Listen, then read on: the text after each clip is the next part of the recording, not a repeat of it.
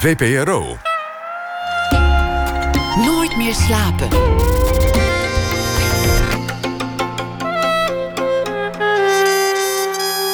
Met Pieter van der Wielen.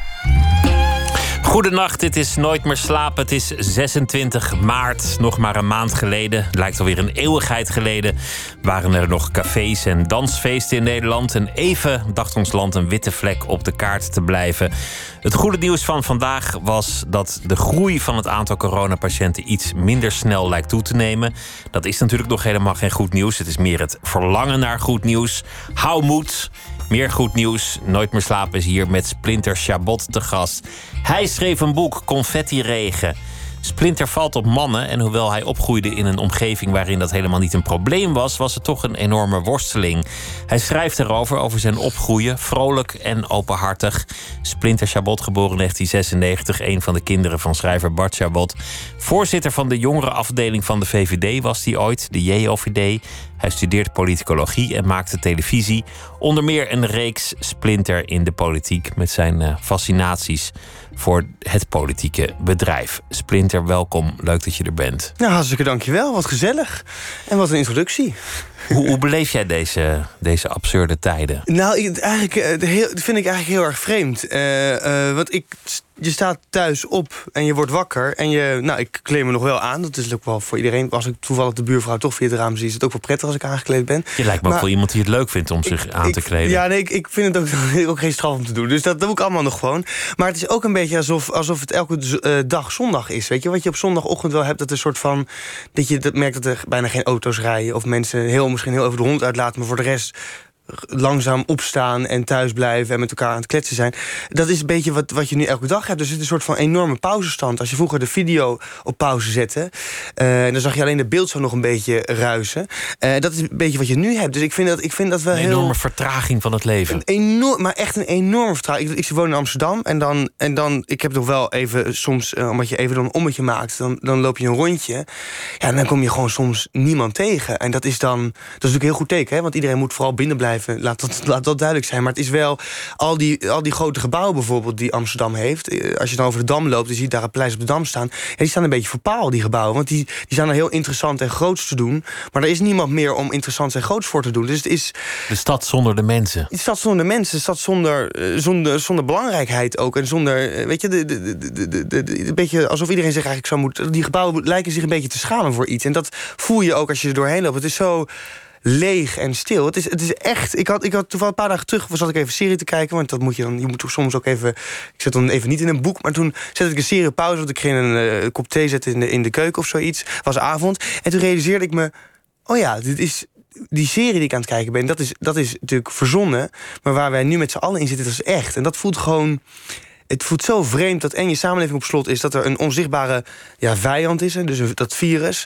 Dat, dat, dat heel veel mensen enorm ziek van worden of ze, en zelfs dood aan gaan. En dat je dat dus, dat je als je op televisie aanzet, dat je talkshows ziet waar ja, geen, eh, geen publiek meer bij is. En dat er natuurlijk allerlei speciale uitzendingen zijn. Dat is natuurlijk, het is, ja, het is gewoon het heel alsof vreemd. je leeft in zo'n serie. Ja, in een, ja, of in een boek eigenlijk, dat je daarin vastzit. Alleen het, het voordeel van het boek is vaak dat je veilig op de bank bent.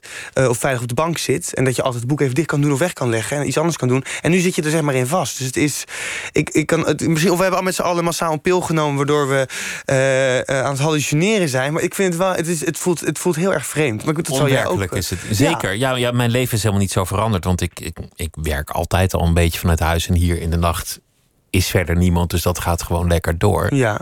Maar ik ben, ik ben wel heel gehecht aan cafés en theaters en Ja. gewoon het leven. Ik vind er ook, ook geen, geen fuck aan. aan Nee, dit, dus je, eh, je hebt de samenleving zonder kunst en cultuur even. Hè. Je kan niet naar, naar, naar, naar, naar, naar een toneel gaan.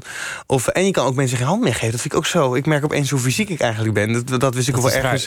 Ik ben zo benieuwd wat, wat de effecten op lange termijn zullen zijn. Of dit een soort markering zal zijn. De overwinning van het internet bijvoorbeeld. Want we, we gingen al steeds meer in ons scherm leven. Ja. Misschien was het wel een grotere ramp geweest voor velen als, als het internet er niet meer was geweest.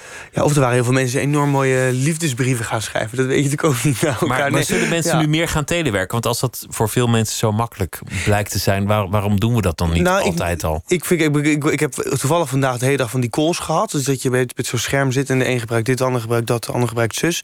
Daar werk ik op een gegeven moment wel een beetje klaar mee. Maar ik moet wel zeggen, soms gaat het een stuk sneller. Dat je niet bij elkaar hoeft te komen. En dat je gewoon zo tik-tak eh, even online bent, met elkaar overlegt en er weer doorgaat. Maar ik hoop wel heel erg als zometeen alles over is, dat we dan wel gewoon gezellig naast elkaar gaan zitten. Al vind ik, er zijn natuurlijk wel andere dingen waar we naar moeten kijken. Naar de vleesindustrie, naar de. Naar hoe nou, dat is een belangrijk punt dat je noemt. Ja. Dat, dat, is, dat blijkt keer op keer de bron van nieuwe ziektes. Dat kan dus niet meer zo eigenlijk. Zeker niet als je ziet dat de hele wereld er vervolgens last van heeft. Want de wereld zit op slot momenteel. Ja, daar moeten we iets aan doen. Dat kan zou, zou dit het keerpunt zijn in de globalisering? Was ook een vraag die ik lag te mijmeren. Nou, nee, want ik vind... In, kijk, het is natuurlijk verschrikkelijk wat er gebeurt. Maar ik denk, uh, je ziet opeens hoe hoe eigenlijk enorme verbonden zijn. Dus hoe ook ongelooflijk afhankelijk we van elkaar zijn. Dat weten we natuurlijk allemaal. Economisch weten we allemaal dat het was in China iets langzamer loopt. Dat je dat meteen merkt in onze winkels, bij wijze van spreken. Maar nu zie je dat als dus helemaal aan de andere kant van de wereld iemand ziek wordt... dat vervolgens opeens binnen no time, binnen een paar maanden... de hele wereld ziek is.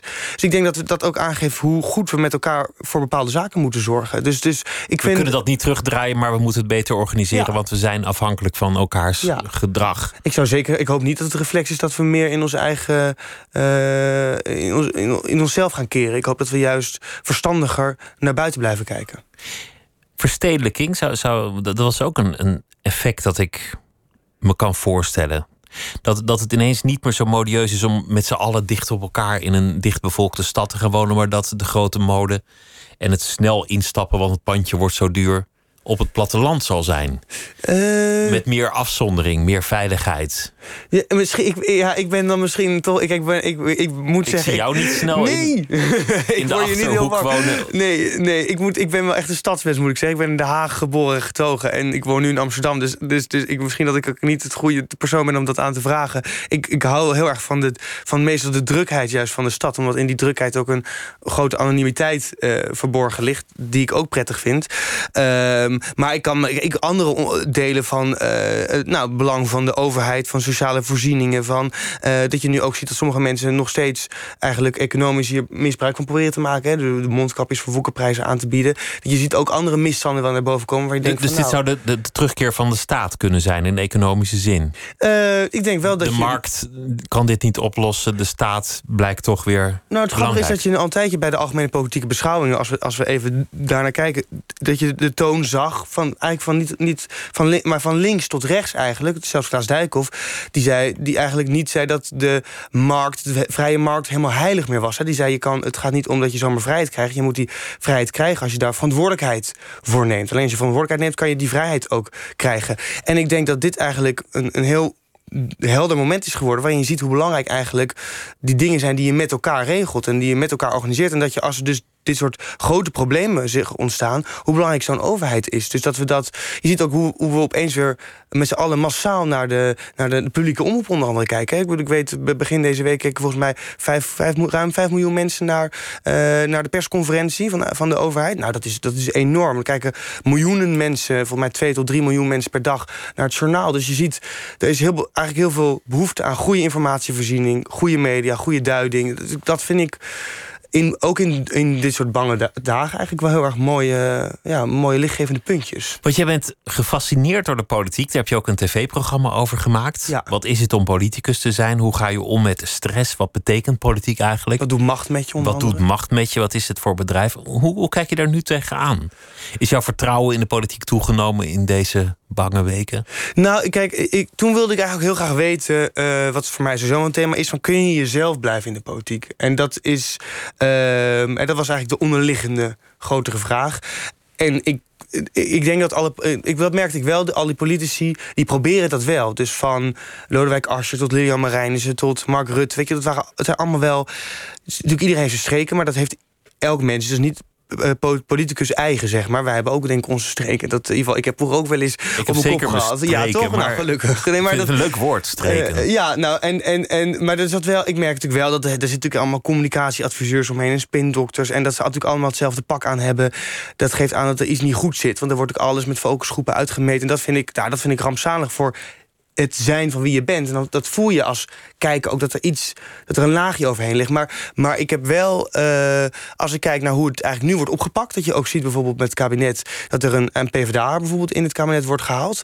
Dat is, uh, wat natuurlijk eigenlijk een andere politieke kleur is. Wat we normaal gesproken eigenlijk, nou, zo kan dat wel, het is niet van de coalitie. Weet je, dat je, dat je nu eigenlijk ziet van nee, wat goed dat dit gebeurt. Iemand met kennis van zaken, die wordt binnenboord gehaald. Hij kent het departement, hij kan zo instappen. Hij is er niet zo lang weg. Je moet het maar gewoon doen. Ja, en, en doet, doet het dan dus. Dus het is een PvdA die in het kabinet stapt. Naast, terwijl die, de coalitie bestaat uit VVD, CDA, D66 en ChristenUnie. Um, en dan denk ik, ja, dit vind ik dat dan, dan laat, dan laat opeens weer de politiek zien van de politiek van het met z'n allen doen en er samen voor staan. En dat heeft het ook opeens de kracht van de voorbeeldfunctie. Dat we als we zien van hé, hey, als zij met z'n allen daar, waar het eigenlijk altijd gaat om meningsverschillen uitvergroten, als zij nu zeggen we, we gaan met z'n allen aan dezelfde kant, zoveel mogelijk proberen te staan, ja, vind ik dat wel heel erg mooi en een goed teken voor de rest van, van Nederland. Nou, ik, ik ben, maar ik ben dan een beetje zo'n. Een liefhebber zo'n moment. Ja, ik ben een, een, een, een, een dat even een romanticus en graag naïef. Dus ik vind het, ik vind het, dat vind ik dan iets heel moois hebben. Dat we dan met elkaar ja, ik, ik hou daar wel van als we met elkaar de schouders omzetten. En als de politiek opeens wat minder met elkaar schildert in, in plaats van tegen elkaar verf aangooit. Als je begrijpt wat ik bedoel. Aan de andere kant, dit was een commentaar dat ik bij een aantal uh, commentatoren, columnisten las. Goed dat iedereen nu achter de macht gaat staan. Ja. Tegelijk, je wil niet vertragen. Niemand wil dat. Er moeten maatregelen genomen worden. Iemand moet die beslissing nemen. Laten we snelheid erin houden. Is natuurlijk heel goed om nu kritisch te zijn.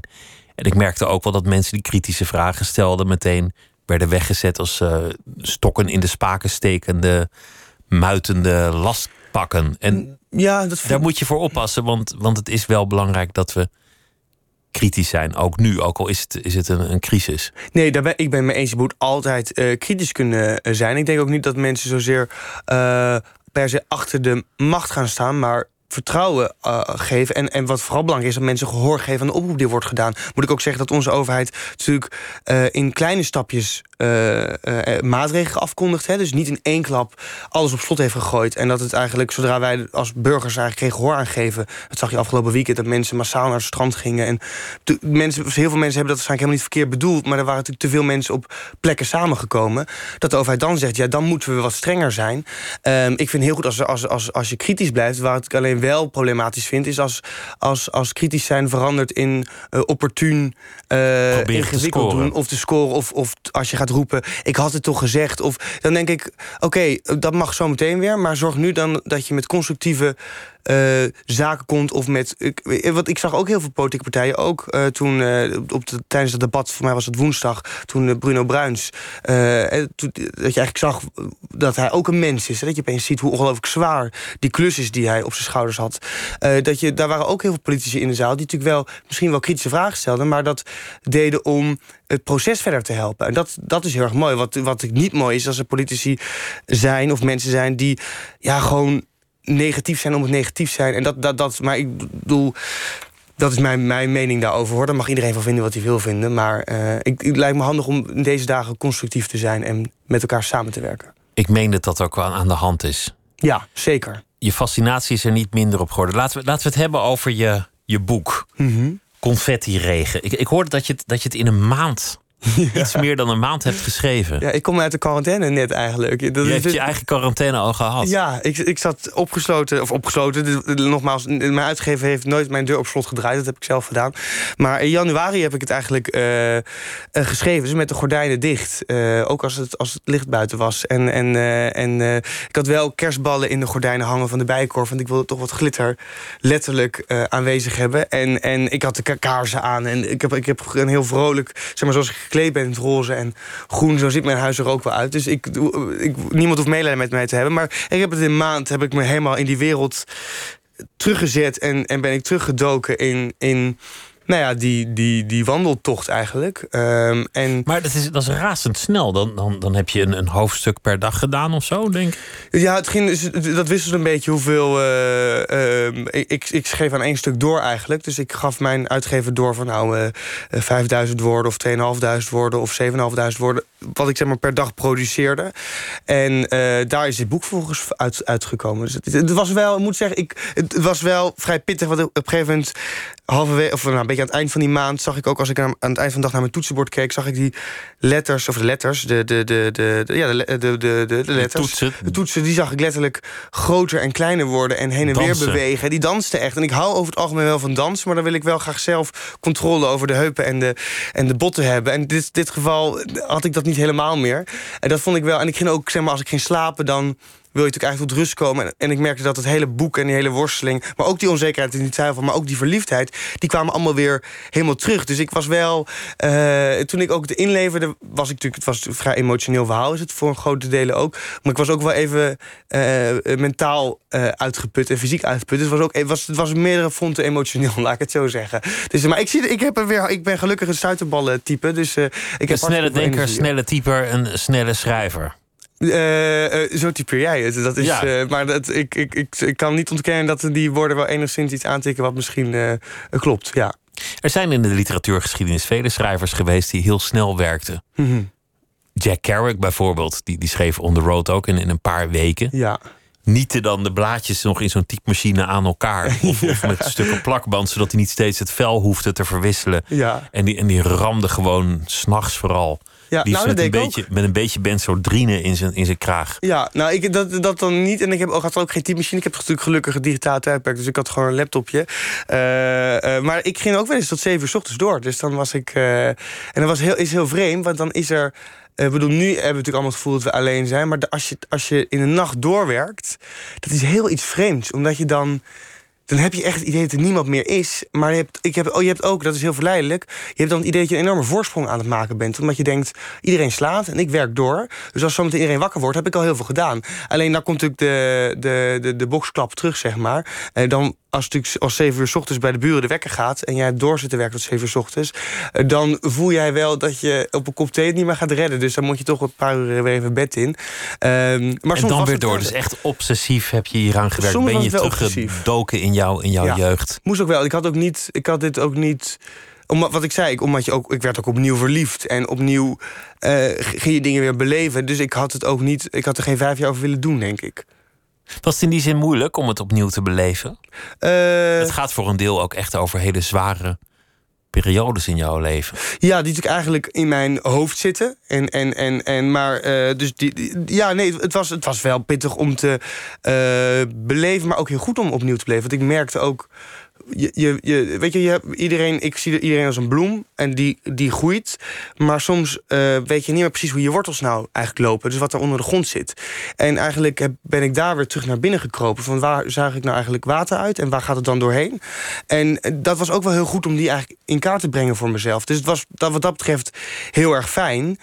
Ehm, maar het was, het, was, nee, het, was, het was ook wel eens eh, pittig, ja. En, en, en, en, en dat ik, eh, nou, als ik bepaalde. eh, ik, er zitten, fragmenten in dat je natuurlijk als kind tegen onzichtbare wetten oploopt die er zijn. ehm, die niet altijd, die wetten hoefden niet per se als schouderklopjes te voelen. Hè. Dat waren vaak ook wel wurgende wetten zijn. Of dat die, de worsteling, als je met gym bijvoorbeeld, gescheiden gym met alleen jongens dat dat een soort van grijze mist die die hele ruimte vulde en alle kleur wegzoog, letterlijk en figuurlijk. Ja, dan ehm, dat was dat was natuurlijk niet lekker om opnieuw eh, zeg maar te beleven, maar dat vond ik wel. Eh, dat hoort erbij dat je daar helemaal opnieuw doorheen gaat. Omdat je dan. Ik was heel belangrijk om die emotie naar boven te krijgen. Omdat je dan het ook zo kunt opschrijven. Dus het was. Ik had, ik had mijn, oudste broer sms, eh sms'te ik, Sebastiaan. En zei ik van nou, ik vind het wel heftig. Want ik, en ik krijg die twijfel opnieuw terug. Maar ik word ook opnieuw verliefd. Zei hij. Nou, dat is eigenlijk heel mooi. Want dat betekent dat je in ieder geval een levendige. eh, fantasie hebt, dat je, dat je dat opnieuw ook echt kunt beleven. En dat was, dat was inderdaad wel waar. En toen was de taak om het maar gewoon zo puur mogelijk op te schrijven. En dat heb ik geprobeerd eigenlijk. Wa- Wat, wat, wat verwonderlijk is, jij, jij komt niet uit een streng christelijk of, of anderszins gelovig nest waarin homoseksualiteit eh, de duivel is. Nee. Je had geen ouders die daar meningen over hadden of die er afkeurend tegenover stonden. Integendeel, Ja, je moeder zei al vrij snel: ik zou het wel heel leuk vinden, een, een schoonzoon erbij. ja, Je hebt hele liefdevolle ouders, zoals je erover schrijft. Je omgeving op school, je vriendjes, je vriendinnetjes, die zijn ruimdenkend in de regel. En toch is het een enorme worsteling om erachter te komen en ernaar te gaan leven dat je op jongens valt. ja. Ja, en dat, dat, dat is ook waarom ik het eigenlijk heb opgeschreven. Omdat ik wilde, juist eigenlijk wilde laten zien dat zelfs als alles in je omgeving eigenlijk meezit, dat er nog in steeds in het hoofd van een kind of een, een hoofd van een jong iemand, maar ook in het hoofd, dat krijg ik ook aan reacties terug van oudere mensen, dat dat nog steeds een enorme strijd kan zijn. En dat komt omdat je als kind of als, als, als, als jong iemand ziet dat het toch, ook al, ook al zegt iedereen, oh, mij maakt het niet uit, of ik zou dat juist heel leuk vinden, je merkt dus wel dat het blijkbaar afwijkend is. Dus je bent gedwongen anders in plaats van gekozen anders.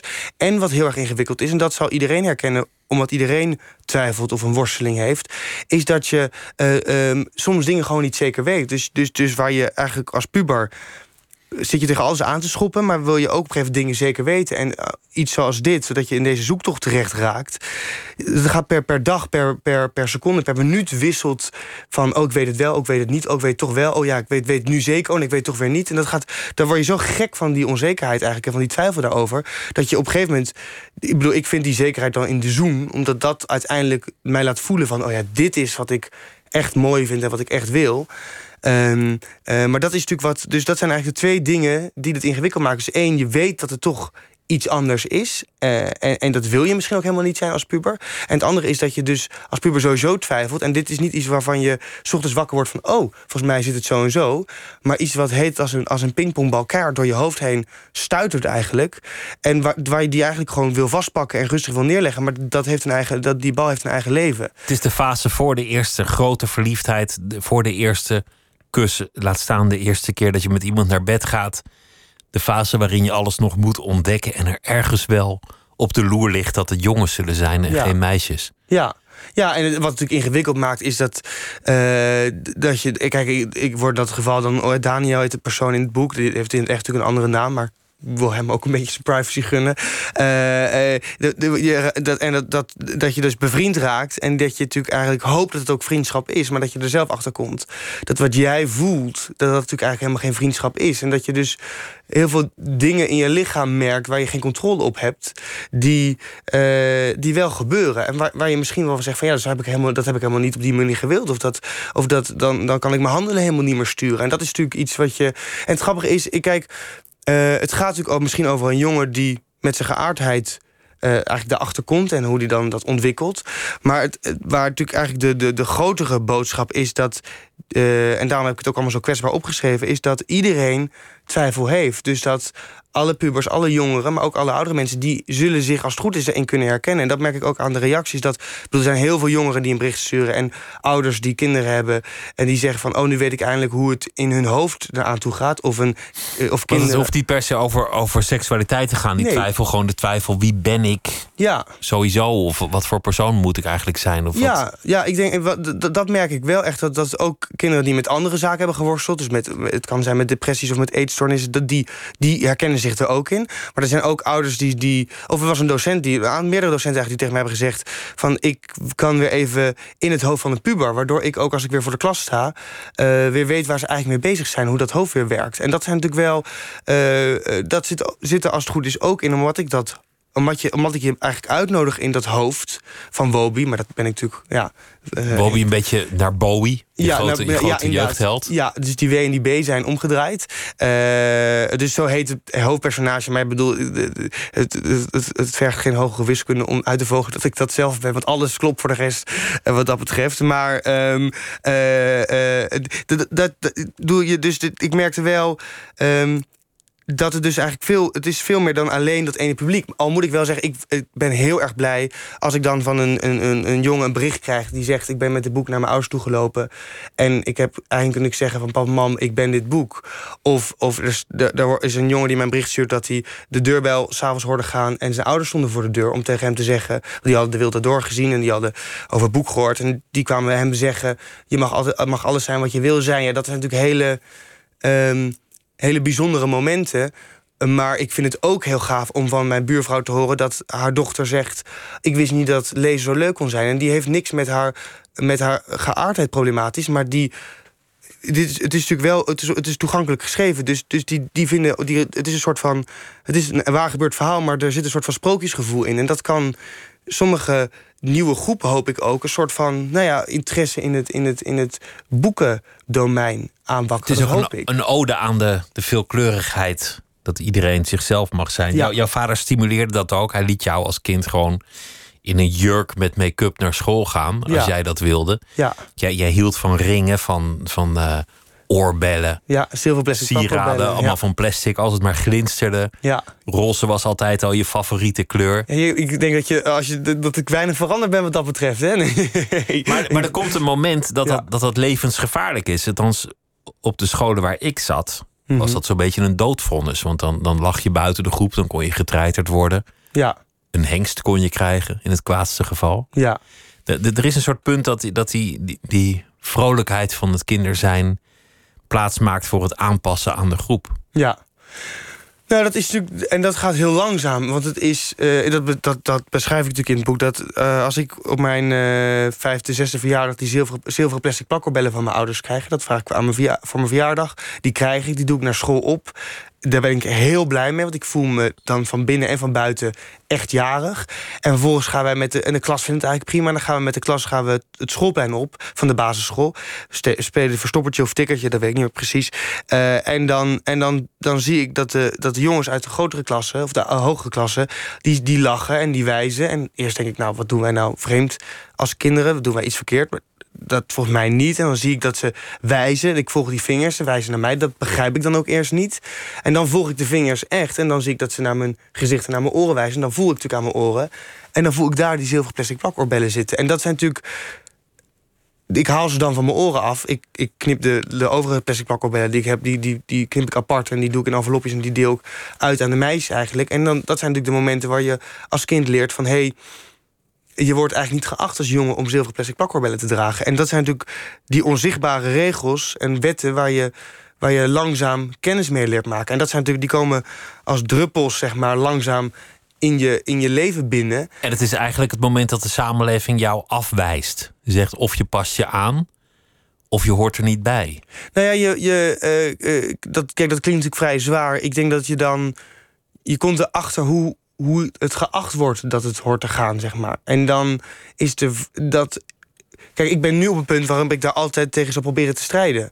Maar dat is helemaal niet eh, makkelijk. Zeker niet als je, eh, als je de puberteit gaat en je eh, merkt... ook als ik in het, later in het verhaal met Arthur ergens ben... dan, dan is er op een gegeven moment... Hebben we, dat, dat het klikt heel erg, dat is heel erg leuk. Eh, dus een, een jongen in, in het boek die voorkomt. En dan is er eigenlijk een moment waarop je het logisch zou vinden... om, om misschien elkaar een kus te geven. En dan voel je aan de omgeving... en dat zullen heel, heel veel mensen denk ik herkennen... dan voel je aan de omgeving dat, dat, eigenlijk, dat daar niet de ruimte voor is. Dus dan heb je op papier mag je elkaar wel zoenen. Maar juist die wetten die, natuurlijk, die niet op papier hoeven te staan... maar wel tot uitvoer worden gebracht... gewoon door, door het handelen van mensen...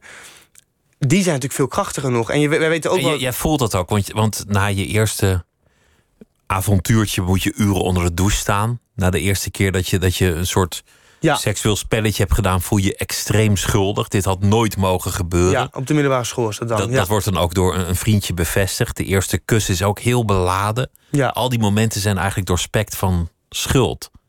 Schuld die niet vanuit je ouders kwam, niet vanuit je opvoeding, niet vanuit klasgenoot zozeer, maar schuld die gewoon in de lucht hing. Ja, nou, de, de, de kus zelf niet, denk ik. De, De, eh, de kus dat ging uiteindelijk goed, maar, de, goed, ja, de, maar de de- aanloop naar de kus was toch echt wel beladen met ja, schuld. ja dat, dat, dat, dat wel, omdat je toch gek genoeg je het, eh, het gevoel hebt dat je je moet eh excuseren, verexcuseren tegenover iemand of tegenover iets. Of dat je het goed moet praten. Of dat het niet. Net zoals dat je dus. Er wordt wel geacht dat je er op een gegeven moment iets over zegt. Dus dat je zegt van het zit zo en zo. Dat je uitleg geeft. Dat je uitleg geeft. En dat is. Dat voelt ik heel vreemd. Ook zeker als je het nog niet weet. En, en ja, als ik mijn eerste avontuurtje zeg maar beleef. Dat is dan tijdens het huiswerk maken zeg maar. Dat er op een gegeven moment- op een gegeven moment loopt dat dan anders dan we dat allebei verwacht hadden. Dan heb je toch iets gevoel van dit is niet de bedoeling. Want dit is niet zoals het in, in, in de kranten staat. Of zoals het op het, op, in films voorkomt. Of, en, en wat je er, als je op het nieuws kijkt, zie je eigenlijk daar altijd negatieve dingen aan gekoppeld. Dus dan, ik voelde me als kind toen heel vies. En dat ik dacht van, ik moet, ik moet me schoonschrobben. En ik laat bij best lang onder de douche staan tot het weggestroomd is. Maar ja, dat zit van binnen. Dus dat, die, kan, die kan, denk ik, duizend dagen onder een douche staan. Maar je stroomt het niet schoon, zeg maar. Dus die, die vieze, dat vieze gevoel, dat blijft van binnen zitten. Zou je nu wel zeggen, ik ben homo? Is, is- Nee. Zonder enig probleem? Of, of... Nee, want ik, ik, dat is mij wel een punt wat ik altijd probeer te maken. Ik ben Splinter. En eh, net zo, iedereen is. En Splinter is homo, dat zou toch nog wel kunnen? Nou, nee, kijk, ik ben uh, Splinter en Splinter vindt uh, paardrijden heel erg leuk. Splinter vindt viool spelen uh, fantastisch. maar Splinter vindt jongens heel erg leuk. Maar ik ben eh, splinters. Ik vind, ik vind het, het je terugreduceren tot alleen je geaardheid, wat vaak gebeurt. Ik zou ook niet eh, zeggen, ik ben hetero. Nee. bedoel, ben ik wel, maar dat, dat, is, ja, dat, dat, hoeft, dat behoeft bijna geen uitleg. Nee. En daarom wil ik ook juist, vind ik... Jezelf niet willen definiëren aan de hand van één aspect. Dat, dat is ja, want ik, ik geloof ook niet... Kijk, daarom zijn Bowie en Prince, die openen ook voor een deel boek. Maar dat zijn voor mij voorbeelden, omdat ze ten eerste ook lieten zien... dat, dat hokjes eigenlijk op geen enkel spectrum te doen. Dus man, vrouw niet, hetero, homo niet. Uh, maar ook in werktechnisch gebied. Want ze deden bijvoorbeeld... Bowie was en zanger, en mode-icoon, en uh, acteur... en uh, weet je, die deden al die dingen naast elkaar ik, en die lieten zien dat elk mens eigenlijk niet eendimensionaal is, maar een diamant. En dat het de kunst is juist, zeker in de huidige maatschappij ook, om, om die diamant elke keer te draaien en elke keer een ander facet van jezelf te laten zien. Dus ik vind jezelf definiëren, terug laten definiëren tot één aspect. Wat zeker, uh, als het over je geaardheid gaat, wel kan gebeuren als je, als je niet heteroseksueel bent. Daar, dat, vind ik, dat zijn die onzichtbare wetten waarvan ik eigenlijk zeg: ja, dat hoeft niet. Net zoals ik, ik vond ook dat ik het recht had, echt thuis, om niet te hoeven zeggen: ik, pap, mam, ik ben dit of dat. Ik vond net zoals mijn broers heb ik hun. Want ze probeerden je bijna uit de kast te sleuren op een zeker ogenblik. Ja, en ik kijk, mijn broers hebben op een gegeven moment gezegd thuis: uh, pap, mam, uh, ik heb uh, iemand ontmoet en het is een heel leuk meisje en ze heet zo en zo. Die heb ik nooit horen zeggen: ik ben heteroseksueel. En dat ze het stil hoefde te leggen tijdens. En ik merkte wel dat het natuurlijk dat er bij mij iets meer omheen zat. Dus ik had wel het gevoel, ik moet op een gegeven moment iets stilleggen. Dat is tijdens kerstavond dan. Dat omschrijf ik ook uitgebreid in het boek. Dat was een hele, dat is voor mij nog steeds ook voor ons allemaal eigenlijk een hele mooie avond en een hele mooie herinnering. En, en, en daar, daar staan we ook jaar wel bij stil. Maar ik heb daar wel gekozen, heel nadrukkelijk voor de woorden. Eh, jongen, papa, mama, ik heb iemand ontmoet en het is een jongen. Kijk, die, kwamen natuurlijk, die woorden kwamen, die komen er nu heel makkelijk uit. Die kwamen er toen wat moeilijker uit. Omdat het natuurlijk ook een soort van. Toch een moment? Nou ja, het tsunami aan emotie komt zeg maar omhoog. Um, maar ik vond dat ik, dat, dat ik wel dat, dat, dat iedereen het recht heeft om het op die manier te mogen zeggen. En niet dat het anders. Ik, ik kom nergens uit, want ik ben nergens ingestapt. Begrijp ik bedoel? Dus, dus... Nooit in een kast gegaan, dus er ook nooit uitgekomen. Wat je, wat je over Prince zegt, vind ik ook interessant. En over, over Bowie. En er zijn, zijn er meer geweest. Ja. Uh, dat, dat is eigenlijk het gekke. Mensen die zich niks aantrekken van bepaalde regels. Ja. Die, die schoppen het het verst. Ja. Die, die, die worden een soort iconen van, van, van de hele wereld. Bowie, Prince. Ja, op Michael Jackson mag je even niet de loftrompet blazen, maar was dat natuurlijk wel in zijn tijd. Freddie Mercury zou je kunnen noemen. Ja, Elton John. Elton John. Ja. En, en uh, je noemt Prince veel, en dit is een liedje dat je noemt, en dat, is ook nog gewoon een heel, uh, heel mooi stuk, Controversy. Zullen we die gaan luisteren? Ik vind, uh, ja, ik heb, ik, ik, voor mij raad ik anders aan één stuk door, dus vind ik een heel goed idee.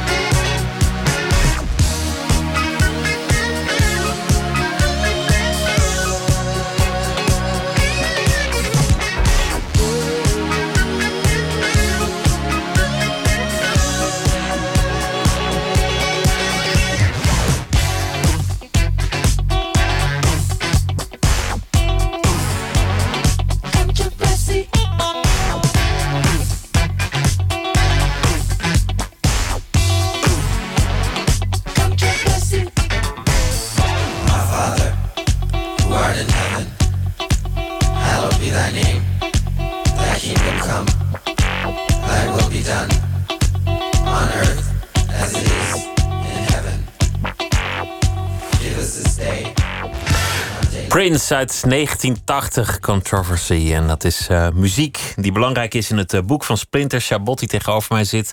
Confetti Regen heeft dat uh, boek. En het gaat over een jonge, jongvolwassene die worstelt met de liefde, met zijn geaardheid. Met het feit dat hij erachter komt dat hij meer op jongens dan op meisjes valt.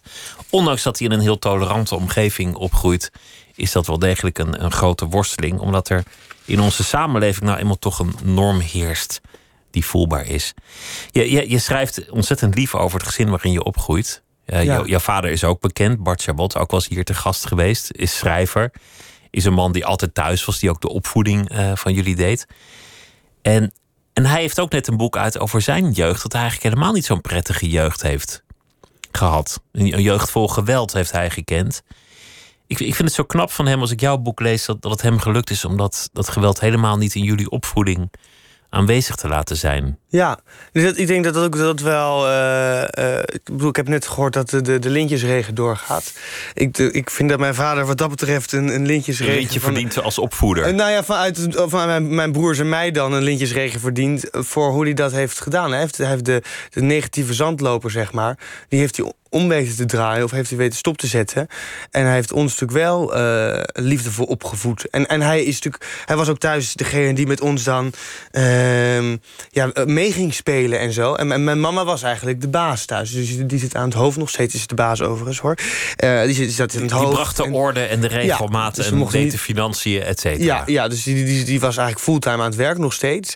En, en die, die be, be, bepaalde ook of we wel of niet over Formule 1 en over voetbal mochten praten aan tafel moet ik zeggen, vond ik het niet zo erg dat het niet over voetbal en Formule 1 ging. Want ik kon over andere dingen gaan. Paardrijden mocht namelijk wel. Uh, en uh, tot op zekere hoogte. Uh, maar nee, papa. En, en wat ik eigenlijk heel mooi vind, hij zijn boek heette Mijn, mijn vaders hand. maar als, de hand als... die hem opvoedde, maar de hand die hem voedde, maar ook de hand die hem sloeg. Ja, het was vaker een vuist dan een, dan, dan een, een, een, dan een hand die je begeleidt. Hè. Wist je... jij dat al voordat het boek uitkwam? Nou, um, nee, eigenlijk in zoverre dat uh, uh, ik heb mijn, mijn, mijn, mijn vader uh, en moeder van mijn vaders kant nooit gekend. Uh, ik zie hen dus ook niet als mijn opa en oma. Want ik weet, ik zou, je zou ze hier nu achter het raam kunnen zetten. Want ze zijn al bij dood, dus dat kan niet meer. Dus het zou erg knap zijn als je het wel kon. Maar je zou hier een foto kunnen plaatsen met van drie mensen. Ik zou niet kunnen aanwijzen als een van die mensen die opa was geweest. Zou ik niet kunnen aanwijzen. Ik weet namelijk niet hoe ze eruit zien. Um, maar de uh, ik wist, wat ik er wel van wist, is dat... Mijn vader heeft ongeveer twee of drie verhalen verteld over zijn jeugd. Maar hij bracht daar een soort van make-up laag op aan. Dus hij maakte er altijd sminkte die mooier dan het was. Dus hij maakte er een grapje van. En een anekdote. Een anekdote. En dat we er eigenlijk altijd om moesten lachen. Al voelde je wel dat er iets niet klopt natuurlijk onder de, hè, onder, onderin het verhaal. Het een soort van ja, mis doorheen hing. Waarvan je denkt, ja, het is natuurlijk een reden dat hij zijn, zijn opa of zijn vader en moeder niet meer ziet. En dat het natuurlijk, als hij iets stout had gedaan, wat hij dan vertelde, had je natuurlijk ook wel het gevoel ja, dat, dat dat thuis misschien niet gewaardeerd werd. Voelde je het ook aan je vader dat hij niet alles van zichzelf kon laten zien? Dat dat hij, dat hij zichzelf toch ook overeind moest houden soms? Nou, we merkten het vooral als mijn, broertje en ik, hè, de, de, Storm en ik, we werden vroeger de kleintjes thuis genoemd. En hij, mijn vader bracht ons altijd naar school. Dus als wij aan ons vaders hand denken, dan denken wij eigenlijk aan die warme vingers en die warme hand die ons begeleidt. Maar we merkten wij als we over straat liepen, dat papa kon verstarren. En dan wisten we eigenlijk dat hij zijn opa, of zijn vader of zijn moeder bijvoorbeeld aan de andere kant van de straat had zien lopen. Dus, uh, dat, en want die wonen bij ons in de buurt. Dus trekken was, ze waren heel erg afwezig, maar onzichtbaar aanwezig. En dat is wel. Uh, dat, dat is natuurlijk heel vreemd en gek. Ja, dat was, dat was eigenlijk heel erg raar. Um, en ik vind, ik heb het boek gelezen en ik vind, ik, ik, ik vind het natuurlijk heel moeilijk om zoiets over je eigen vader te lezen. Want je wilt natuurlijk. Kijk, als kind heb je sowieso het idee dat je vader en moeder altijd al samen zijn. Dat ze ook altijd groot zijn geweest. Nou, op een gegeven moment kom je natuurlijk achter dat dat niet zo is. Uh, maar dan, dat ze nooit seks hebben gehad. Althans, dat dat ik als kind. Dat je ook ja. van die. Ja, ik weet niet hoe wij geboren zijn, maar. Ja, ploep, daar was je er opeens. Ja, ja. ja dat was een soort van toverstok. Uh, ja, nou, dat was er ook misschien wel. Maar uh, ik bedoelde eigenlijk in, in een Hans Klok-achtige variant. Um, ja, ik snap wat je bedoelt. Ja, en. Um, nou, nou, en je komt natuurlijk dan langzaam achter dat die dingen natuurlijk anders zitten. Dat, dat je vader natuurlijk ook een kind is geweest. En als je dan ziet, als ik, nou, dat vond ik wel moeilijk om te lezen, dat als je eigenlijk eh, als ik thuis zit en papa krijgt een klein stukje vlees en ik krijg een groter stukje vlees, dan kan ik in zijn ogen nog steeds een soort van kinderlijke teleurstelling zien. Waardoor ik eigenlijk denk: ook oh, snij gauw toch een stukje van mijn vlees af en dat geef ik aan hem. Uh, moet ik wel zeggen, ik eet overigens inmiddels geen vlees meer voordat. De, maar destijds ging, maar dat, destijds zo. ging dat zo. En dat voelde je dan een beetje. Dan weet je niet waar het vandaan kwam. En nu zie je, als je dat. Als je dat boek leest, dan zie je natuurlijk toch van... Nou, ik, ik, had een, ik zou heel erg graag de tijd terug willen draaien. En was ik misschien wel in mijn, mijn opa, zeg maar, had ik willen gaan. Alsof ik dat, zijn lichaam had kunnen besturen. Dan had ik hem heel graag een, een, een, een, een knuffel willen geven... Om op, of om op schoot kunnen nemen. Want je, je gunt elk kind gewoon liefde toe. En als, je dat, als dat weg wordt gehaald, ja, dat is gewoon verschrikkelijk. Hij heeft periodes gehad dat hij onvoorstelbaar veel dronk. Daar ja. heeft hij ook over verteld en, en ook over geschreven. Tijd dat hij met Herman Brood en zo omging. Ja. Ruwe, ruwe jaren. Heb, heb jij daar iets van meegekregen als kind? Nou, eh, eh, gelukkig niet. Mijn moeder heeft op een gegeven moment gezegd tegen mijn vader van... En nou is het mooi geweest? Mooi geweest. Jij en ze eruit. was de baas tenslotte, dus dat ja, kon ze ook zeggen. Dat kon ze ook zeggen. Ja, ze zei, jij eruit of de drank eruit. Dus dat is een van de twee. Nou, mijn vader heeft gelukkig gekozen om drank eruit te gooien. Uh, ik weet natuurlijk wel nog... Uh, ik, ik, ken, uh, ik weet nog wel dat daar gingen spelen bij Sandra Brood en, en Holly. En, dan, en ik weet nog... Ik, daar weet ik, zeg maar... Zoals je als kind van die flarden, zeg maar, weet. Dus je weet dat het ergens in je, je hoofd is een beetje een bibliotheek... en allerlei herinneringen zijn boeken. En ik weet, ik kan alleen de boeken niet meer exact terugvinden.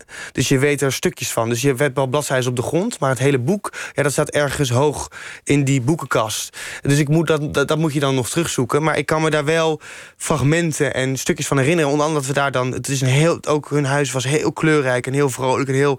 Ja, daar voelde je meteen thuis ook al... Je dacht dat je het huis ook meteen kende, ook al was je nog nooit binnen geweest. En uh, ik kan me wel nog herinneren dat toen, toen, toen, uh, toen het heel erg slecht ging... dat, ik, dat Herman van, beneden naar, van boven naar beneden riep naar mijn vader. En dat, dat zo'n stem onthaal je. Maar dat is natuurlijk als kind kan je dat misschien... Uh, vul je, die, vul je die gedachte ook meer in dan die misschien heeft plaatsgevonden. Maar dat, dat soort fragmenten... En ik, nou, ik beschrijf in het boek natuurlijk dat ik als kind... Uh, mijn vader voor het eerst eigenlijk zie huilen op een gegeven moment. En dat is als, als, als zijn vriend natuurlijk overleden is. Dat verwijst natuurlijk naar, naar Herman Brood. En dat, dat mijn moeder My Way opzet. En dat ik in zijn ogen eigenlijk zie dat papa wel een paraplu probeert op te steken. Maar dat het, re dat het toch gaat regenen uiteindelijk. Dat hij de tranen niet kan, kan bedwingen. Nee. Hij heeft, hij heeft, toen, toen hij hier te gast was, was, was heel sympathiek, vond ik. Toen, toen vertelde hij dat hij een tijd lang dacht, als hij op tv werd uitgenodigd: ik mag er zijn. Ja. Dat ik op tv mag komen is een, een teken dat ik besta. En dat hij daarom ook vaker ja zei dan hij eigenlijk had moeten doen. Ja. En daar ook toch soort van gewond in raakte uiteindelijk. Dat, Ja. hij, dat het toch een, een harde omgeving bleek. He- Heeft hij jou gewaarschuwd? Toen jij in de media kwam, Ja, heeft hij geprobeerd te zeggen: jongen, pas op. nou er zijn eigenlijk twee stappen daarin. Eh, De eerste stap was dat hij eigenlijk zei... we re- we reden naar de, de nou, supermarkt. Ik mag natuurlijk geen reclame maken, want het is publieke omroep. Maar we reden in de supermarkt in de auto en hij zat naast mij. En hij keek eigenlijk mij niet echt aan, maar hij eh, keek op de weg. En ik merkte aan de manier waarop hij begon... dat het een echt... Mijn vader doet dat niet zo heel vaak... maar dat hij echt vaarlijk advies ging geven. Ze zei, Splint, jong, ik wil eigenlijk één ding tegen je zeggen. Toen was ik eigenlijk eh, bezig met voorzitter van de landelijke JOVD te worden... waarin ik ook waarschijnlijk weer actiever zou worden in de media. En toen zei hij... ehm, ik wil één ding tegen je zeggen. Ga niet de politiek in. Eh, of nee, ik zal je altijd steunen. Wat je ook doet, weet dat. Eh, maar ik raad je wel. Ik geef je één advies en daarna bemoei ik me niet meer mee. Dan mag je doen wat je wil. Maar ik wil het wel gezegd hebben. Eh, ga niet eh, de media in. Ga niet de politiek in. Ehm, en dat was toen ook wel voor mij emotioneel. Maar, ehm, hij, en hij zei, de politiek eh, en de media is een, is een... Of de politiek is eigenlijk een slangenkuil en een leeuwenkuil in één. En ehm, eh, als je in de media actief wordt of in het publieke domein... dan geef je je privacy op. En die kan je niet meer terugkrijgen. En dat is ook zo, als je je privacy opgeeft. Het is niet zoals een, als je een fiets koopt... En je bent er op een gegeven moment klaar mee, je verkoopt en je koopt een scooter... en je bent op een gegeven moment ook zat van die scooter en je koopt die fiets weer terug. Dat kan met privacy niet. Als je dat op een gegeven moment hebt opgegeven... en je, en je komt in het publieke domein, dan kan je dat niet meer terugkopen eigenlijk. Nee, de, de vergetelheid kan, maar Ja, dat, dat kan zeker. Dat gebeurt, dat gebeurt ik altijd. Dus, zeggen. ja, nee, Ja. dus daar hoef je geen zorgen over te maken. Mensen vergeten je ook heel gauw. Maar je bent toch een stuk van je privacy altijd kwijt. Ehm, en ehm, eh, dat was eigenlijk één. Ik heb er natuurlijk niet echt naar geluisterd, want ik ben wel doorgegaan. Uh, in die zin, bij de jongere politiek, ik heb nooit behoefte gehad om de grote mensen politiek in te gaan. Maar ik vind het politiek instituut en het politiek bedrijf aan zich wel heel erg interessant. Um, en ik heb ook over sommige dingen ook wel zeker een mening. Maar ik ben zeker natuurlijk wel het publieke domein ingegaan. Um, en, maar en, wat, het andere is wat hij zei van, uh, dat hebben wij natuurlijk wel geleerd. Gewoon, kijk, als, als kinderen vonden wij natuurlijk geweldig naar al die shows die hij meedeed. Maar ik kan me voor mijn vader voorstellen dat het voor hem niet altijd handig was. Want het zit je ook in de weg soms. En um, Um, kijk, hij heeft wel gezegd van... televisie is een warm bad onthouden dat de volgende dag iemand anders erin zit. Uh, en dat, dat is wel wat, wij, ja, wat ik wel onthouden heb van... Je moet, dat moet je gewoon weten, dus je moet... Je moet het niet verwarren met persoonlijke erkenning... of met liefde of met vriendschap of nee, je, dat, dat soort dingen. de camera heeft niet echt een mening nee, over jou. Nee, dat bad wordt er even voor je neergezet. Dan kan je even inliggen. Dan krijg je misschien zelfs nog wat schuim bij... en uh, misschien een drankje. Maar daarna moet je eruit en wordt het water weggespoeld. Dan gaat er, gaat er een, afhankelijk van de volgende persoon... gaat er koud warm water in.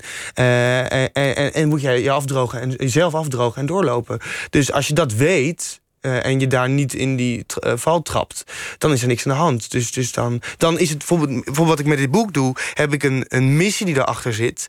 En dan is het heel mooi om af en toe in dat bad te gaan zitten, als je maar niet denkt dat dat bad uh, er eeuwig voor je zal staan.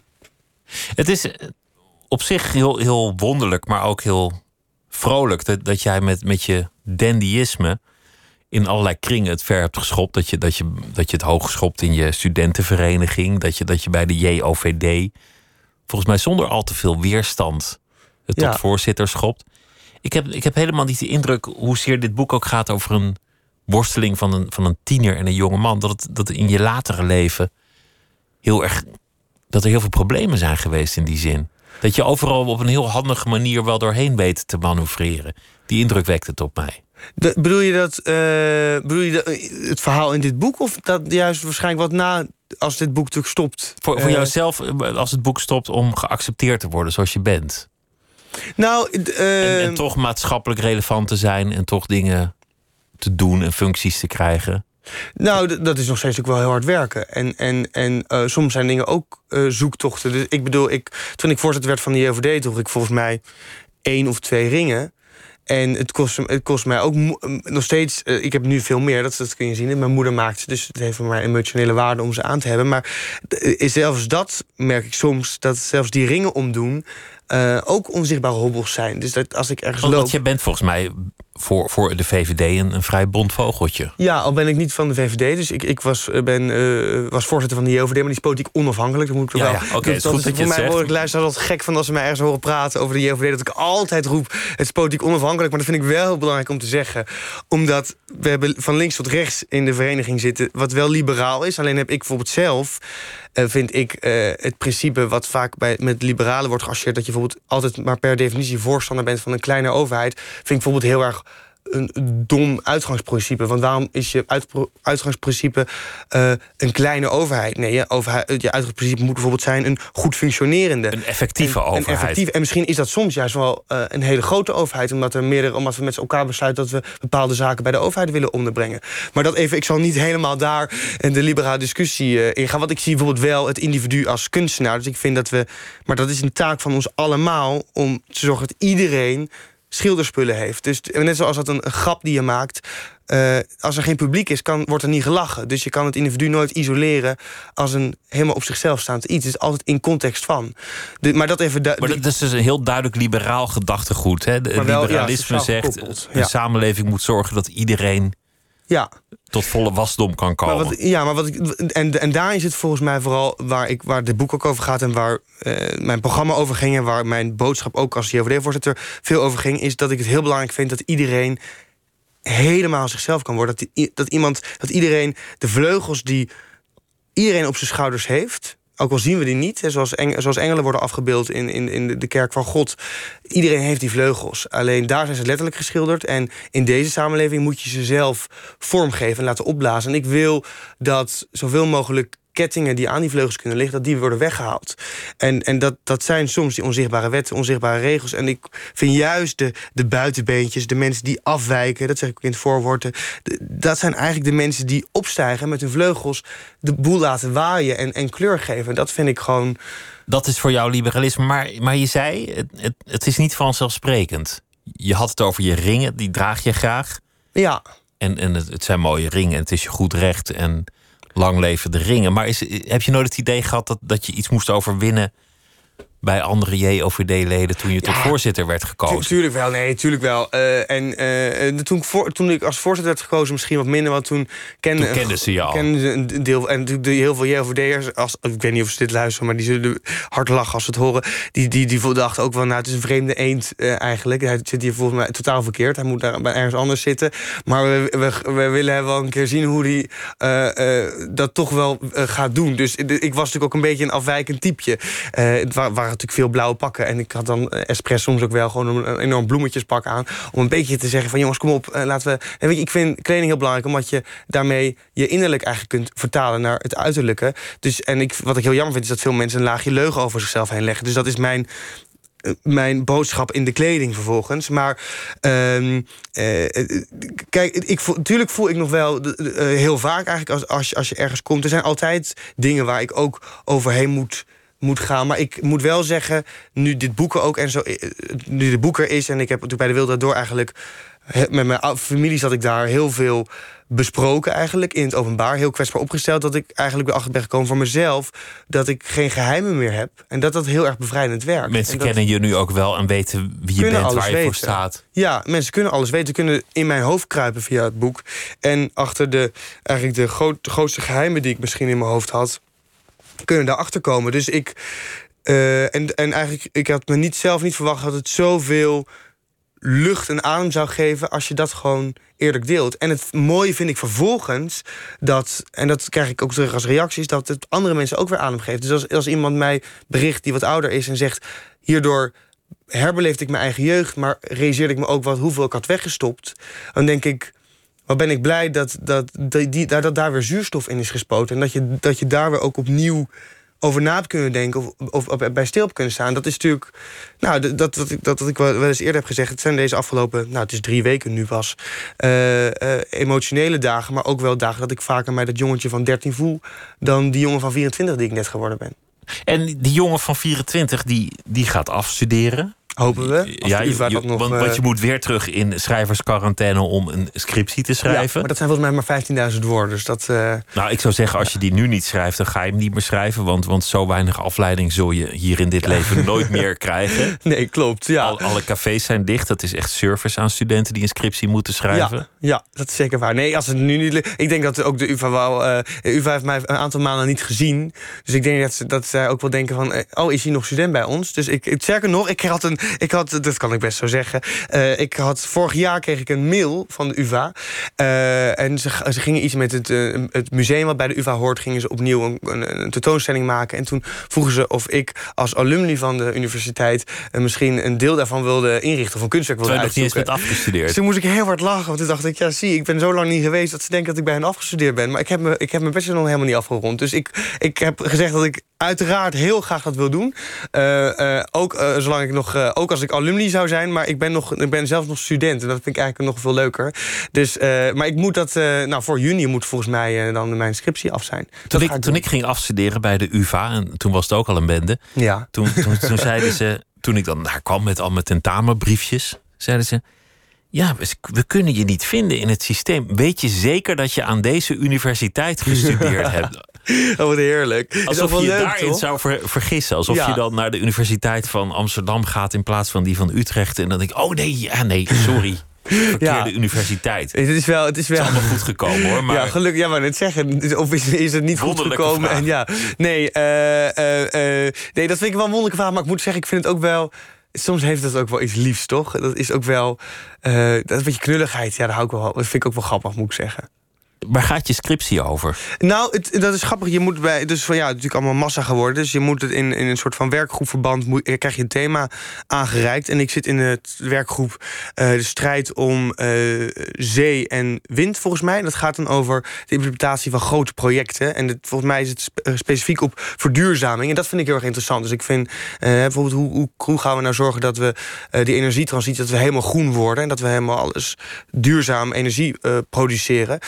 Um, en uh, ook omdat ik gewoon zelf van overtuigd ben dat het enorme kansen kan zijn als je als Nederland daar heel erg in investeert. Hè? Want de hele wereld zal moeten verduurzamen en op, op andere manier producten moeten gebruiken. Dus als je als Nederland daarop vooruit gaat lopen, wat we bijvoorbeeld hebben gedaan tijdens de waternoosramp, hebben we natuurlijk uh, hebben we enorme hebben we natuurlijk het gevecht van de zee gewonnen. Er zijn toen ook vast mensen geweest die zeggen je kan nooit winnen van de zee, dat is de natuur.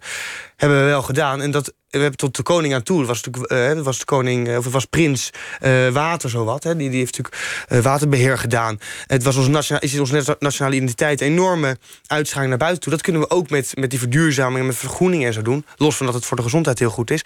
Maar dat even daar gelaten. Het kan een, ja, het is ook nog eens economisch een heel erg grote kans. en het is heel erg goed en heel erg gezond. Dus ik denk dan, uh, ik vind dat heel erg interessant, maar hoe doe je dat vervolgens? Nou, daar wil ik wel graag onderzoek naar doen. En je hebt natuurlijk de klimaattafels gehad en uh, dat, al die discussies daaromheen, hoe, dat, hoe je ook, je kan natuurlijk iets heel graag willen, maar hoe ga je dat dan vervolgens ook omzetten in, nou ja, echt concrete maatregelen, plannen en hoe rol je zoiets uit? En dat, de, de verduurzaming, kortom. Ja. Het, het geeft ja, te denken dat, ja. dat deze crisis waar we nu in zitten eigenlijk goed is voor alles op de planeet behalve de mensen. Goed voor de visjes, goed voor de vogels, goed voor de lucht. Ja, ik zag zelfs goed voor het gras, goed voor de bloemen. Ik zag in Amsterdam de duiven op straat huppen. Dus ik denk dat de vogels een stuk vrijer zijn geworden deze dagen. Dat geeft toch te denken ja. als, uh, als soort. Dank dat je langs wilde komen. Het was me genoeg om uh, met je te praten. Splinter Chabot. En het uh, boek noem ik nog even. Dat heet Confetti Regen. En morgen is Nooit meer slapen er weer. En zo meteen op deze zender Miss Podcast. Ik wens u een hele goede nacht. Slaap lekker.